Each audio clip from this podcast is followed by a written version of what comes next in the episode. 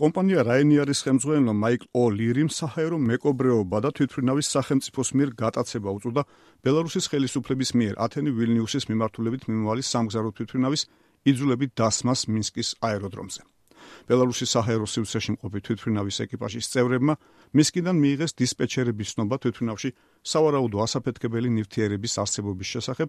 თვითმფრინავი კვირას 13 საათზე დაეშვა მინსკის აეროდრომზე, რომლის ხელმძღვანელობამ განაცხადა თითქოს პილოტებს ექსტრემალური დაშვება თავად მოითხოვოთ, რასაც რაინიარის ხელმძღვანელობა უარყოფს. კომპანია ასევე უარყოფს ფრინავების მიმართ გამოთქმულ პრეტენზიებს და მიიჩნევს, რომ პილოტებმა გააკეთეს ყველაფერი, რომ ფრენა დასრულებულიყო უხიფათოდ. ერთ-ერთი პრეტენზია შეეხებოდა იმას, თუ რატომ დასვეს ფრინავებმა დისპეჩერების მოთხოვნის საფუძველზე თვითფრინავი მინსკში, როდესაც უფრო ახლოს იყო ვილნიუსის აეროპორტი. ბელარუსის ოფიციალურმა საინფორმაციო სააგენტო ბელტამ დაადასტურა, რომ სამგზავრო თვითფრინავის გასაცილებლად ლუკაშენკას ბრძანებით ჰაერში აიჭრა MiG-29 ტიპის გამანადგურებელი თვითფრინავი, რომლის შემდეგ რაინიარის თვითფრინავის პილოტები უბრალოდ იძულებული გახდნენ დაშვებულიყვნენ მინსკის აეროდრომზე.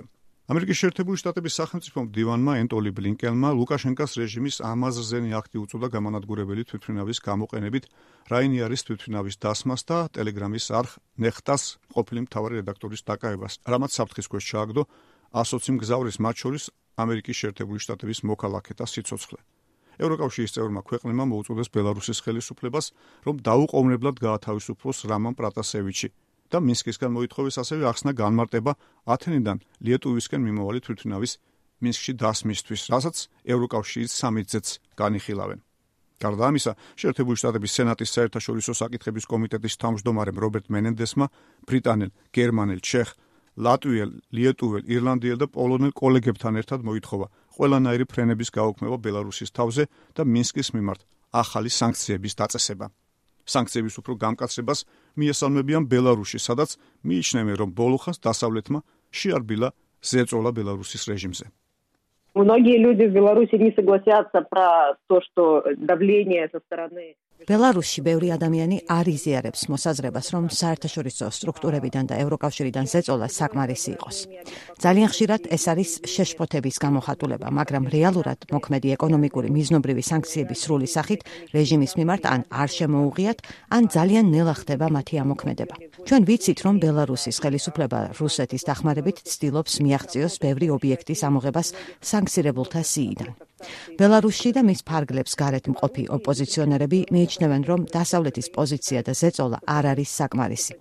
ახლა თვითმფრინავის სკანდალთან დაკავშირებით ის ცოტა უფრო ხმამაღლა ისმის და წამყვანი მედიის პირველი გვერდები ბელარუსია მიპყრობილი.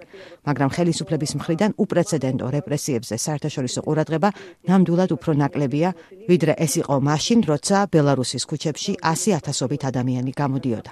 ახლა კი სათანადო საერთაშორისო ყურადღება არ ექცევა იმას, რომ ყოველ ყოველდღიურად ადამიანებს 6-დან 12 წლამდე პატიმრობას უშჯიან ტელეგრამის არხით პოსტების გავრცელების, მილიციასთან სიტყვიერი დაპირისპირებისა თუ შემთხვევით ხელით შეხებისთვის. там случайно дотронулся до машины или или дотронулся до милиционера. ამბობს სანასოუსი, რადიო თავისუფლების ბელარუსული სამსახურის თანამშრომელი. დასავლეთის კრიტიკის პასუხად რუსეთის საგარეო საქმეთა სამინისტროს ოფიციალურმა წარმომადგენელმა მარია ზახაროვამ შოკის მომგვრელი უწოდა იმას, რომ ბელარუსის ინციდენტის გამო შოკირებულია დასავლეთი, რომელსაც თავის დროზე მსგავსი რეაქცია არ ქონია სხვა მსგავს ინციდენტებთან დაკავშირებით. ან ყველაფერი უნდა იწევდეს შოკს, შეერთებული შტატების თხოვნის საფუძველზე 2013 წელს ავსტრიაში ბოლივიის პრეზიდენტის ევო მორალესის თვითმფრინავისა და უკრაინაში ანტიმაიდნის აქტივისტების სავსე თვითმფრინავის აფრენიდან 11 წუთში იძულებით დასმით დაწყებული, ან არ უნდა იწევდეს შოკს სხვების მიერ ჩადენილი ანალოგიური ქმედება. დაწერა Facebook-ში მარია ზახაროვა. ზახაროვაზე კიდევ უფრო ნაკლებ დიპლომატიური იყო კრემლის ერთ-ერთი პროპაგანდისტი მარგარიტა სიმონიანი, რომელიც აღაფრთოვანა რაინიარის რეისთან დაკავშირებით ბელარუსის ლიდერ ალექსანდრ ლუკაშენკას აქციელმა. ვერასოდეს ვიფიქრებდი, რომ რამე შემშურდებოდა ბელარუსის. ახლა კი ნამდვილად მშურს ბატკამ ლამაზად შეასრულა. დაწერა Twitter-ში სახელმწიფო ტელეარხ არტისა და საინფორმაციო სააგენტო რასია სევონიას გენერალურმა დირექტორმა მარგარიტა სიმონიანმა. სხვათა შორის ეს ის მარგარიტა სიმონიანია, რომელსაც 29 იანვარს დონეცკში მიმდინარე ფორუმზე რუსეთს ფაქტობრივად დონბასის ანექსიისაკენ მოუწოდა. მაისის თვე ბელარუსში ჟურნალისტების მასობრივი დევნით აღინიშნა. 15 მაისს ბელარუსის ქალაქ მოგილიოვში 20 დღეღამით პატიმრობა მიუსაჯეს დოიჩე ველეს ჟურნალისტ ალექსანდრ ბურაკოვს, რომელიც დამნაშავედ მიიჩნიეს მასობრივი ღონისძიებების ჩატარების წესის ხელმეორე დარღვევაში. 18 მაისს ბელარუსში სამართალდამცველებმა უდიდესი პორტალი ბის თანამშრომლების სახლებსა და ასევე რედაქციის ოფისში ჩაატარეს ჩხრეკა სისხლის სამართლის საქმეზე, რომელიც განსაკუთრებით დიდი ოდენობის გადასახადების გადახდაზე უარის თქმის მუხლით არის აღძრული.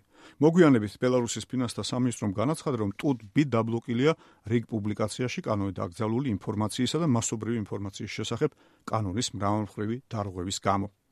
ბელარუსის რეჟიმის მიერ გატარებული რეპრესიული სისხლის სამართლებრივი დევნის შედეგად ამჟამად საბატიმროებში იმყოფება მასმედიის 27 წარმომადგენელი, მათ შორის არის რადიო თავისუფლების ბელარუსული სამსახურის შტატგარეშე თანამშრომელი იჰარ ლოსიკი. Вот э, посчитали представители Белорусской ассоциации журналистов, что с лета прошлого года Беларусის ჟურნალისტთა ასოციაციის წარმომადგენლებმა გამოიანგარიშეს, რომ შარშანდელი ზაფხულიდან მოყოლებული, როცა საარჩევნო კამპანია დაიწყო, ბელარუსში ადგილი ჰქონდა ჟურნალისტების დაკავების 550 შემთხვევას. 80 ჟურნალისტი ამ ხნის განმავლობაში ამა თუ იმ ფორმით იქნა რეპრესირებული. სამართალდამცველი ორგანოების მხრიდან მათ მიმართ განხორციელდა ძალადობა. დღეისათვის ციხეში იმყოფება მასმედიის 27 შვიდი წარმომადგენელი.